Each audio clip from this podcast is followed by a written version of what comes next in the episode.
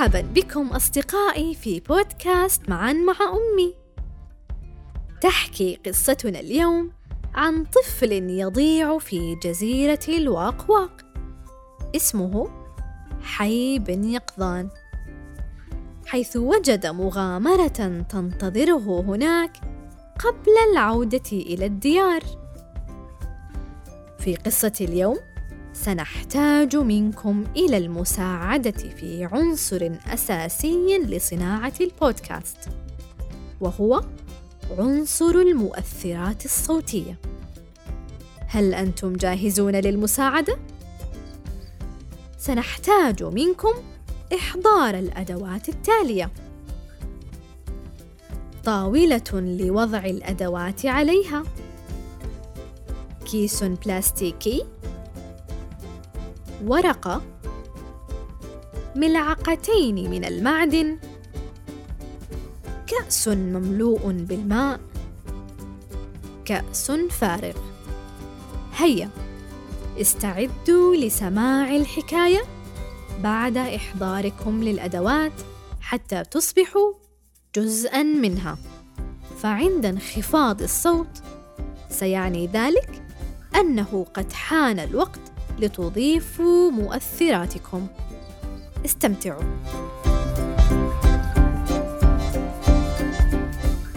حي بن يقظان.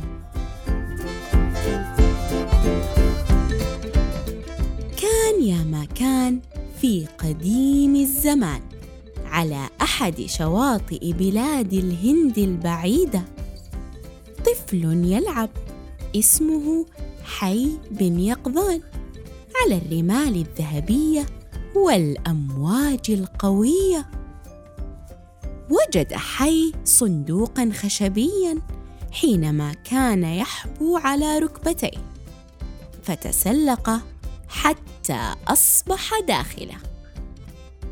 وفجأة تعالت الأمواج وجرفت الصندوق وحي بن يقظان بداخله. وهنا بدأت الحكاية.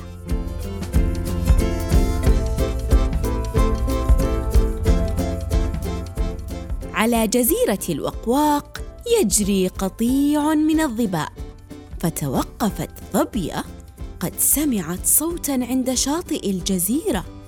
اقتربت ونظرت داخل الصندوق فوجدت طفلا يبلغ من العمر عاما يبكي. بحثت الظبيه يمينا وشمالا لعلها تجد أمه لكن لا أثر لأحد. حزنت الظبيه على الطفل فأخذته وربته مع صغارها في القطيع حتى كبر وأصبح صبيا ذكيا محبا للاستكشاف. تعلم حي بن يقظان أنواع الحيوانات كلها. تعلم لغاتها وكيف تمشي وكيف تطير أو تزحف. وأصبح له أصدقاء كثر. ذات يوم قال حي لأمه الظبية سأخرج لألعب في الغابة يا أمي. قالت الأم الظبية حسنا يا بني ولكن لا تبتعد كثيرا.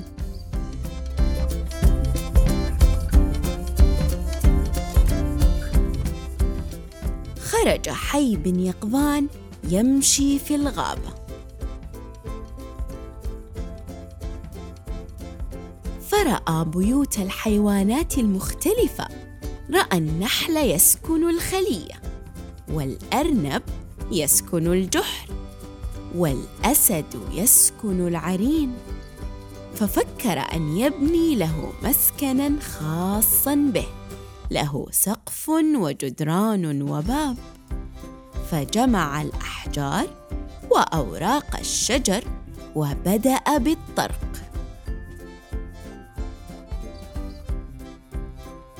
بعدما انتهى من بناء المنزل أكمل حي بن يقظان السير حتى وصل إلى نهر ينتهي بشلال ماء يصدر هديرا عاليا.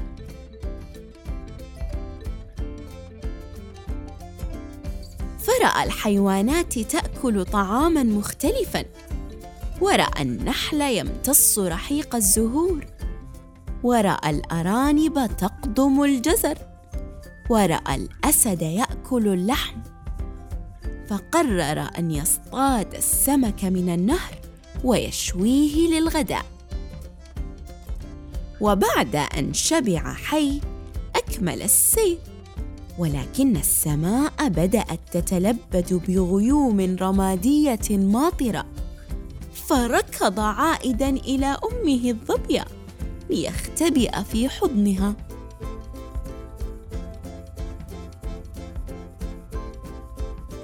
قالت الأم الظبية عدت مبكرا يا حي. قال حي بحماس استمتعت برحلتي كثيرا اليوم. وسأكملها بالطبع بعد زوال الغيوم.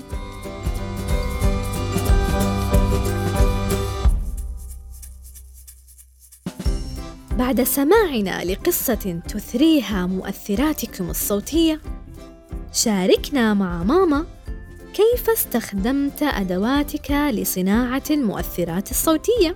فمثلا ما الأداة التي استخدمتها لصناعة صوت المطر؟ هل استخدمت الورقة؟ أداة أخرى؟ شاركنا تجربتك على وسم إثراء.